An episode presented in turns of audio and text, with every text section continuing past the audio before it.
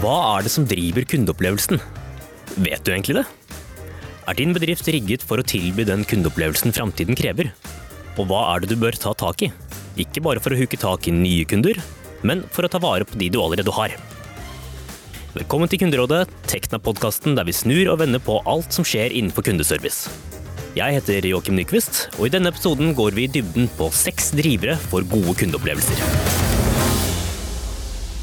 Jeg har fått besøk i studio av Anita Gjenbergsen. Velkommen. Takk.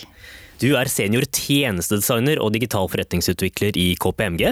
Og du brenner for digitale kundeløsninger som setter brukeren i sentrum. Hvorfor er dette her viktig for deg? Jo, mange problemer og tungvinte løsninger. Dårlig service og eller diskriminerende løsninger, da, som vi opplever mye av i dag. Det er jo helt unødvendig. Vi har teknologi til å gjøre noe med det, og vi har både penger og vilje også. Det handler bare om å bruke det på rett måte, eller på en annen måte.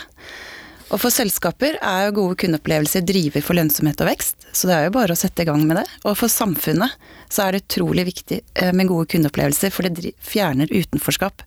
Man kan gjøre pasienter til friske mennesker, og man sikrer også at folk får den hjelpen de trenger. Sånn at de kan jobbe og oppleve at de kan være til nytte for samfunnet, da.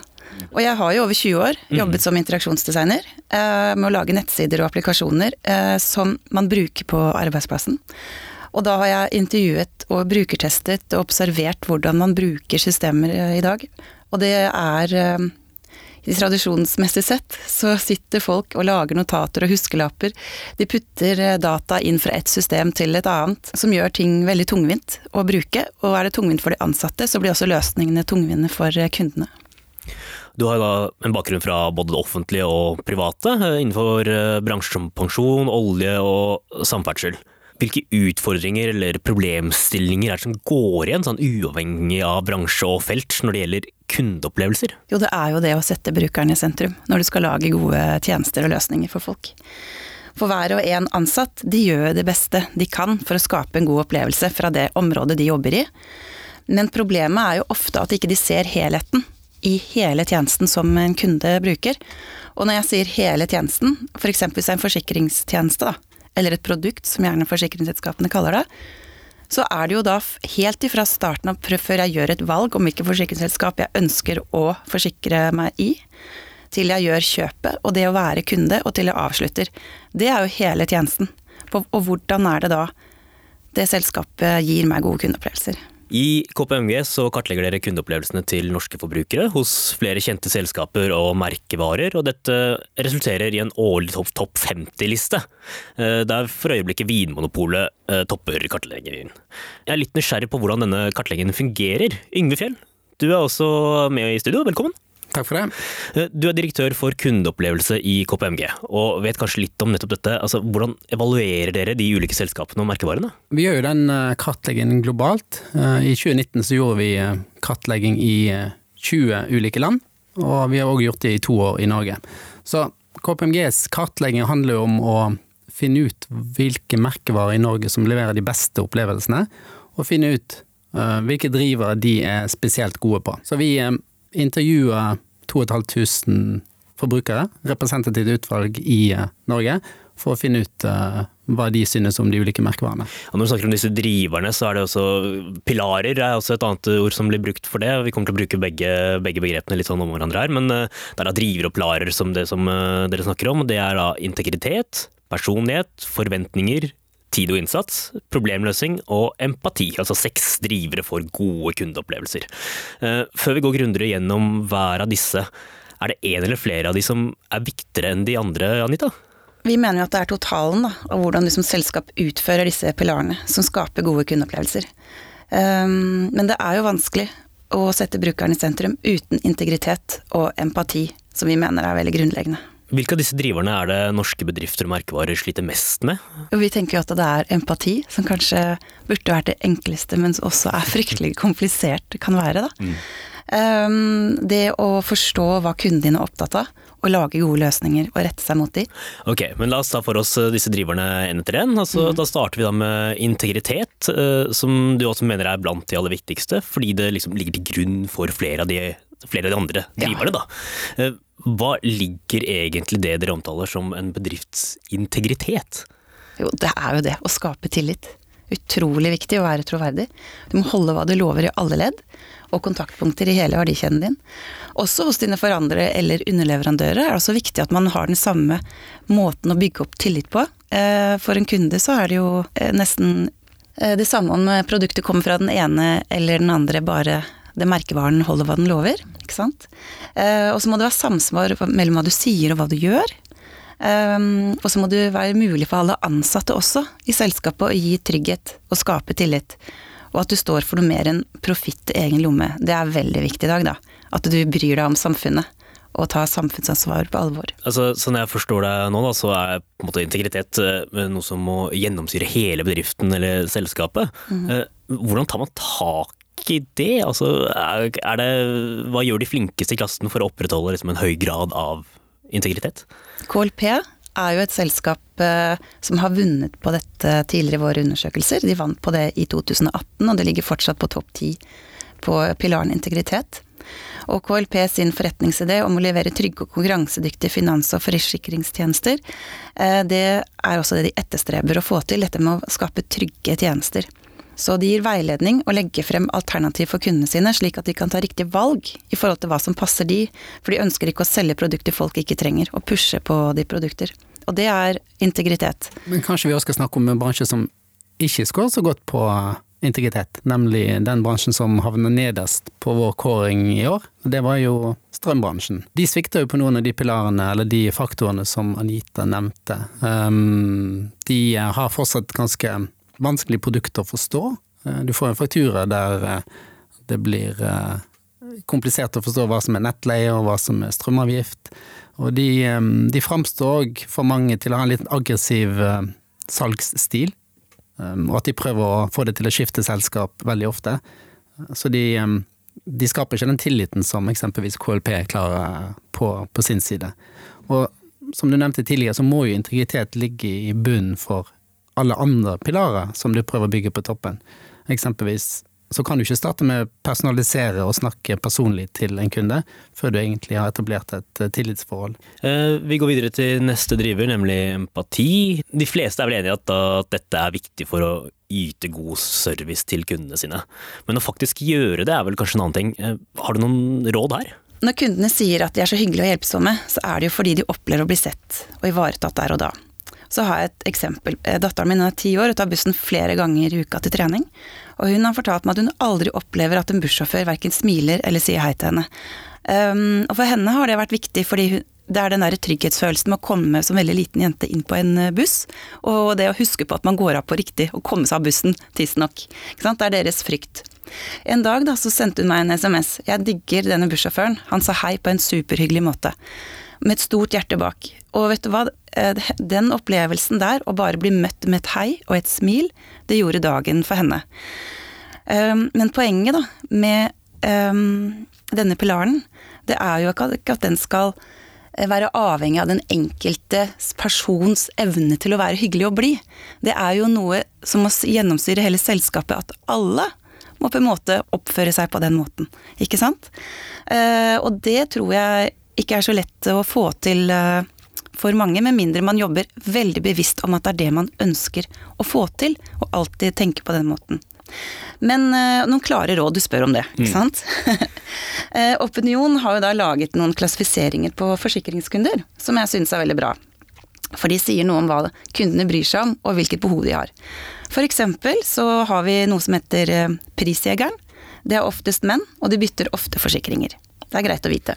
Så har du den kvalitetsbevisste, det er også ofte menn, og de er opptatt av å få de beste forsikringene og er villige til å betale for bedre dekning, og det er også de mest lojale kundene. Så har du den trygghetssøkende, det er oftest kvinner. De vil gjerne ha hjelp til å trygge seg på at de har valgt de riktige forsikringene, og de vektlegger avtaler og personlig service, og det er ofte også den mest lojale kunden. Så har du da den uinvolverte, den som rett og slett ikke bryr seg så mye. Det er også ofte kvinner, det er unge kvinner eh, av en eller annen grunn. Eh, men de stoler på de tilbudene de får, de er ikke så opptatt av lojalitet. Og hvis du ringer de, så vil de gjerne sikkert bare hoppe på neste tilbud som kommer. Men det å være klar over at kundene dine har disse forskjellige preferansene, det kan gjøre veldig mye med hvordan du kan styre empatien din mot dem, da. En utfordring for mange som tar imot kundehenvendelser, er kanskje det at eh, arbeidet kan bli veldig gjentagende. Uh, altså, hvordan skal man klare å holde seg empatiske overfor kunden når de måte, får den samme henvendelsen da for n-te gang? Ja, det var slitsomt. ja. ja, nei, altså gjentagende henvendelser må jo eller kanskje også rasende kunder, det må jo det være verste som finnes, ikke sant. Men det er jo en grunn til at det er gjentagende henvendelser. Det er kanskje noe som er sesongorientert, eller det er noe som er en kritisk som har, krise som har stått, oppstått akkurat der og da. Og da må jo ting løses fort, det er jo et problem. Og det problemet bør ikke løses av kundeservice, da. Kan det kanskje informeres på nettsiden, eller kan man masseutsende oppklaringer på SMS eller e-post for å forklare situasjonen? Og i tillegg så kan det jo være lurt at eh, kundeservice da har et manus eller noe å støtte seg til i sånne krisesituasjoner hvor det er gjentagende henvendelser på hvordan man skal uttrykke seg da, når det blir litt slitsomt å vise empati til rasende kunder som kanskje ikke eh, har empati tilbake. Men empati det må ikke forveksles med at du bare anerkjenner andre sine opplevelser. Um, denne pilaren må du benytte til de andre pilarene, da. Uh, og et viktig råd er å lage kopier, syns jeg, som muliggjør at dine ansatte kan bry seg om deg. Hvem er som er gode på dette? På, hvem er som er gode på empati? Det er jo typisk den pilaren som får lavest score. Uh, ikke bare i norsk uh, målestokk, men òg i global målestokk, når vi ser på tvers av de landene vi gjør. Men det er jo typisk de som faktisk gjør det ganske bra, det er jo typisk virksomheter som har mye fysisk kundekontakt. Um, det er jo der empati lett kan uh, skapes, hvis du er god på det, som Anita uh, har gitt oss noe råd på. Så apotekbransjen skårer høyt. Vi har optikerkjeder som skårer høyt. Så både Synsam og Brilleland skårer høyt. Vi har òg hotellkjeder som skårer høyt, for det er òg en veldig tett relasjon mellom de som står i kundefront i disse virksomhetene, og, og kunden. Og Det som er spennende i en digitaliseringsverden er jo òg eh, hva kan de fysiske eh, butikkene og stedene skille seg ut på, i motsetning til hva de digitale nettstedene kan skille seg ut på. Og empati er jo faktisk en av de pilarene som, eh, som er best å skape i, i en fysisk møte mellom to mennesker. Det som er kanskje viktig med empati, det er jo at det er den situasjonen du er som kunde. Det er da du trenger det. F.eks. hvis du er utrygg, om det har hendt noe du trenger hjelp til, hvis du er syk, hvis du opplever at du har manglende kunnskap om noe, og at, eh, at man føler med å si fra om noe som er ubehagelig. Det er jo akkurat i sånne situasjoner det er enormt viktig at man blir møtt med empati. Utover det så er det ikke sikkert at vi alltid reflekterer så mye over det, annet enn at det er bare hyggelig å få et hei. Neste pilar, Yngve, det er eh, personalisering. Hva er det dette går ut på? Personalisering grenser jo av og til inn mot det som kan kalles empati, men det, jo, det handler jo om å forstå kundens spesifikke situasjon, og forstå kundens, kunden som individ, og klare å tilpasse opplevelsen til det. Opplevelsen kan gå på hvordan du presenterer produktene, eh, hvordan du kommuniserer med kunden. Du skal liksom gi kunden følelsen av at han befinner seg liksom i senteret av dialogen. Så det er spørsmålet vi stiller òg i undersøkelsen vår. I hvilken grad føler du at du får spesifikke produkter og tjenester fra denne bedriften? Men Dette virker på meg som noe veldig ressurskrevende. Eh, hvordan skal en mindre, mindre bedrift med begrensede ressurser klare å måte, personalisere eller skreddersy en kundeopplevelse?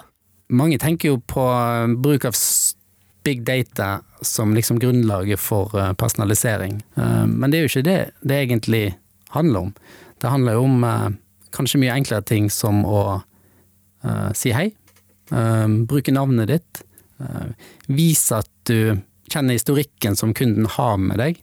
Um, så det er mange måter til og med små bedrifter kan klare å jobbe med det på. Det var jo sånn bedriftene i, gamle dager egentlig klarte å bygge lojalitet hos kunder. Det var jo nettopp at de gjenkjente kunden som kom inn, um, visste alt av dine preferanser, og hva du hadde handla før. Og det det trenger du ikke stordata til for så vidt for å få til i, i dag heller. Hvem er det som gjør dette her eh, bra?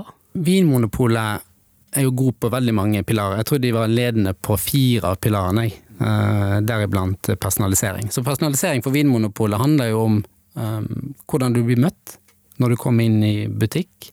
Det handler om um, hvordan du blir ledet gjennom kjøpsreisen i butikk. Uh, hvordan de har kategorisert ulike typer drikkevarer, som gjør at gjennom en dialog med de ansatte der, som òg har veldig stor og genuin interesse for, eh, for vin og, og, det de selger, så klarer du å få følelsen av at du finner den vinen eksempelvis som passer akkurat til deg og den situasjonen du skal ha. F.eks. en middag eh, som skal lages med, med familie og venner. Så følelsen du går ut av eh, butikken med, er at dette traff deg som, eh, som, eh, person. Vi beveger oss videre til eh, den tredje driveren, forventninger, som altså handler om kundens forventninger til bedriften, Yngve.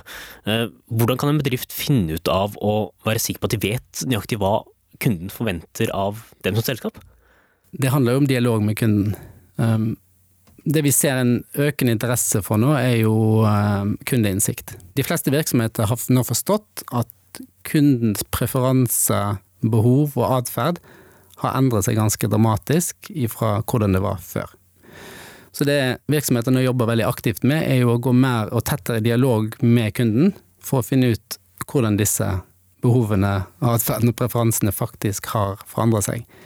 Um, det er kun i dialog med kundene du kan forstå hva de forventer. Uh, ulike kundegrupper forventer ulike ting. Så det å ha dialog med kunden, kartlegge hva de faktisk har behov for, Ehm, det å se på hva andre bransjer gjør. For det som er litt av utfordringen nå, eh, er jo at man tar med seg de forventningene og opplevelsene man har opplevd i én bransje, inn til en annen bransje.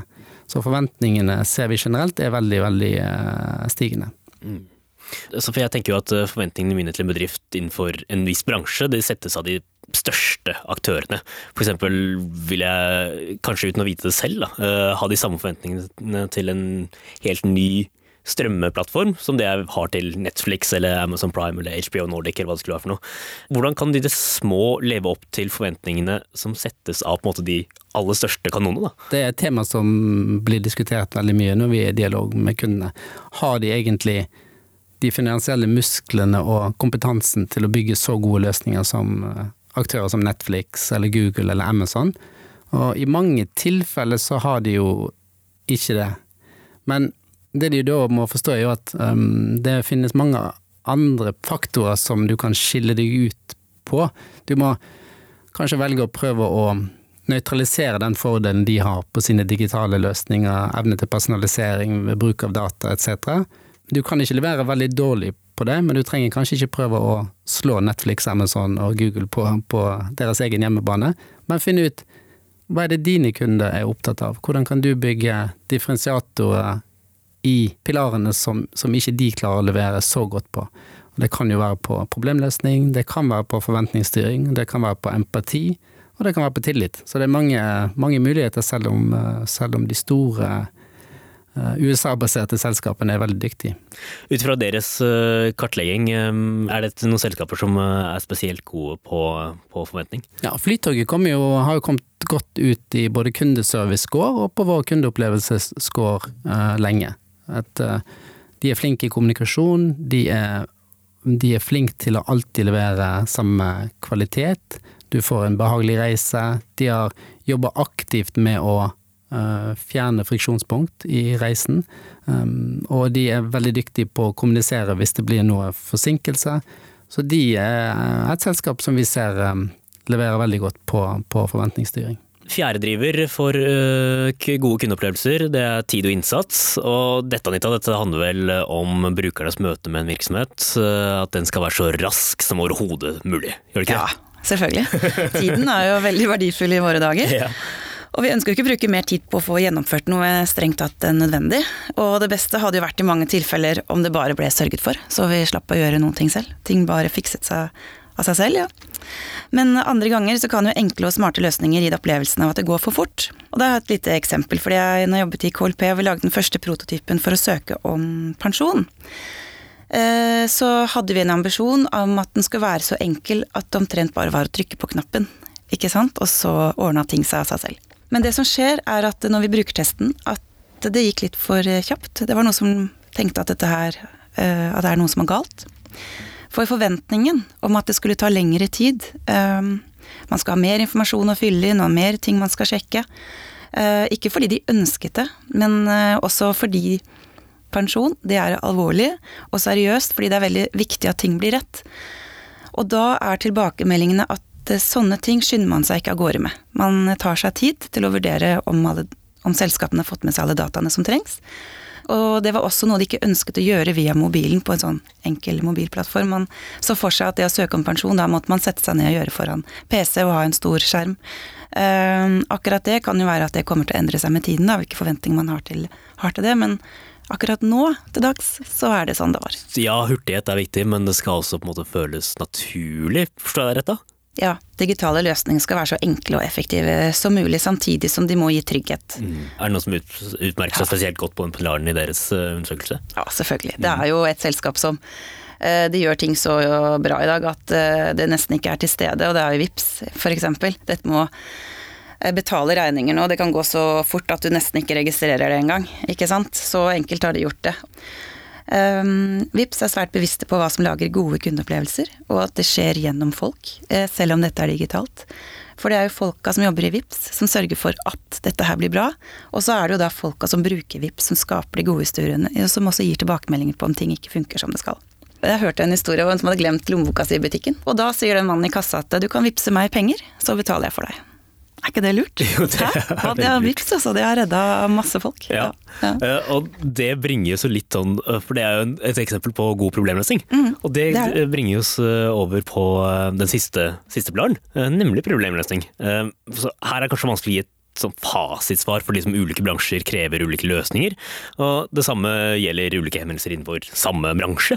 Og jeg regner med at dette er noe du jobber svært mye med, Yngve. Hvordan kan en virksomhet sørge for at de løser alle henvendelser på en god måte? Nei, ulike henvendelser um, kan jo løses gjennom ulike kanaler. Um, du har jo et startpunkt der du må kategorisere hvilke type henvendelser du får, uh, og se hvilken kanal er det som egentlig er den beste å bruke for å løse den. Utgangspunktet er jo at den beste kundeservice er jo selvbetjeningsservicen. Uh, klart du skal helst unngå at problemet oppstår, og at kundene trenger å henvende seg til deg. Så en proaktiv informasjon, der du har den informasjonen allerede tilgjengelig for å hindre henvendelsen, er jo det første du må gjøre. Eh, det neste er jo å se på kan vi bygge digitale løsninger som gjør at kunden enkelt kan løse dette sjøl. Eh, og det siste er jo da når problemet er såpass kritisk eller eh, komplekst, du må løse det på tid, så vil du gjerne ta kontakt med en person. Og her kommer jo kundeservice inn som en veldig viktig kanal, men en stadig mer krevende kanal å jobbe i. Fordi det betyr jo at de henvendelsene som kommer inn, blir bare mer og mer komplekse for kundeservice å løse. Så hvis intensjonen din er å løse alle henvendelsene på like god måte, så må du bruke kanalene på det de er gode på. Eh, av og til skal du bruke en chatbot, av og til kan du bruke appen, så folk kan løse det sjøl, og av og til er det faktisk et fysisk møte som, som, er det beste. Det sies jo at flinke selskaper de snur problemet til å bli en positiv opplevelse. Og det høres jo ut som drømmen, det. Eh, men hvordan gjør man det? Nei, det stemmer det. Det er vel det kundeservice nå i stor grad handler om. Ikke bare løse problemene, men faktisk snu det til eh, en positiv opplevelse. Vi har det som på engelsk kalles recovery paradox. Det betyr jo at de kundene som tar kontakt med et problem og får problemet sitt løst, blir mer fornøyd og mer lojale enn kunder som ikke tok kontakt. Men litt tilbake til det jeg snakket om tidligere, dette med at eh, de henvendelsene som nå kommer til kundeservice, blir bare stadig mer komplekse. Um, du skal bli møtt med empati, men kunder ringer ikke inn hovedsakelig for å få medfølelse, de ringer inn for å få saken løst. Så det som er viktig, er å kombinere raskt å kunne sette deg inn i kundens situasjon, vise empati, anerkjenne problemet, men så være kreativ og energisk på å få løst det problemet som kunden faktisk ringer innom. Har du noen eksempler til etterfølge, eller eventuelle eksempler som man absolutt ikke bør, bør følge? Ja, vi ser jo I studien vår så ser vi at uh, mange av de samme som scorer godt på empati, uh, scorer òg godt på, på problemløsning. Så Specsavers som en optikerkjede, eh, er vel de som har den beste scoren på, på problemløsning i eh, undersøkelsen vår.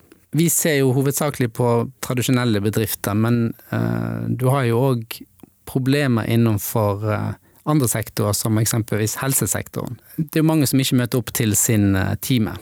bestilte legetime. Og en av tiltakene som eh, en del legekontorer har kommet med, er å pålegge et straffegebyr, gjerne på 1000 kroner, for hver som ikke møter opp til avtalt time.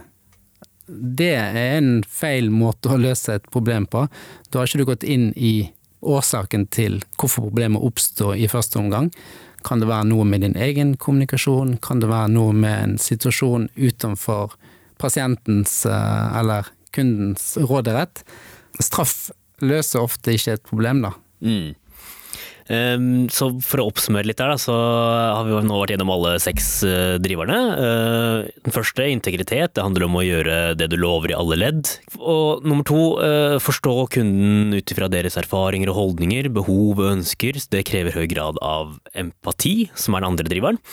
De som er gode på personalisering, den tredje driveren, bruker kundedata på en god måte, både til å forenkle kundereisen, men også til å legge opplevelsen tettere til den enkelte kunden. Eh, driver nummer fire det er du må kjenne til kundens forventninger eh, og forstå hvordan det er, eh, hvordan det er viktig å levere deretter. Driver nummer fem, tid og innsats. Det handler om å fjerne hindre for kunden, men også gjøre det på en trygg måte ut ifra det som er naturlig for henvendelsen. Og til slutt, da, som du nettopp snakket om, Yngve, problemløsning. Å snu et problem til en positiv opplevelse og møte kunden når ting har gått galt. Så forhåpentligvis da, så har vi gitt lytterne noe å tenke på, og kanskje inspirasjon til å gjøre endringer i kundeløpet kundeopplevelsen der det kanskje skurrer litt i dag. Eh, Anita og Ingve, før vi avslutter, har dere noen konkrete tips til hvor en bedrift bør starte å utbedre kundeopplevelsene i sin bedrift? Enkelt forklart så handler det om å forstå kunden og deres forventninger. Ehm, på motsatt side så må du forstå hva er det innenfor kundeopplevelse jeg ønsker å ta en posisjon på. Ehm, så dette med å forstå kunden, Eh, sett en tydelig visjon for eh, hva kundeopplevelse du skal levere. Og så tredje punkt er jo å kanskje gjøre en analyse på hvor er det de største gapene finnes i dag. Hvor, hvor moden er vi egentlig på, på, å ta den posisjonen vi, vi, ønsker å ta. Ja, så hvis du skaffer deg innsikt om kundene, da, som Yngve sier, og gjør det systematisk og strukturert, Kanskje også visualisere det i en kundereise, eh, som vi har snakket om. Det skaper engasjement og muligheter for endring også i eget eh, selskap. Og det aller viktigste er at du ikke gjetter deg til hva kunden opplever, men at du har ekte hendelser basert på at du har snakket med eh, folk. Du gjør rett og slett intervjuer. Og når du da har fått opp hva som er bra, og hva som ikke fungerer bra, så må du gjøre noe med det gapet. Blant fagfolk så bruker vi ordet blueprint. For dette her. Eh, jeg sier kundereise til alt, ja, fordi det er enklere for folk å forstå, synes jeg. Mm. Eh, men tanken er at du setter ikke bare opp kundens steg og kunden, hva kunden opplever, men du ser også på dine prosesser, systemer og hva ansatte gjør, opp imot hva kundens reise er, da. Eh, og det gjør virkelig inntrykk på et selskap når de får dette visualisert og ser dette i en større sammenheng. Men husk, det er ikke kundereisen som er målet, da, den visualiseringen. Det er jo hva du bruker resultatet til etterpå, som er det aller viktigste. Tusen takk for at dere var med i Kunderådet, Anita Gjenbergsen og Yngve Fjell i KPMG. Kunderådet er en podkast produsert av Tekna i samarbeid med Newslab. Denne episoden er blitt til ved hjelp av Kristin Haug og Fredrik Langseth. Mitt navn er Joakim Nyquist. Tusen takk for at du hørte på.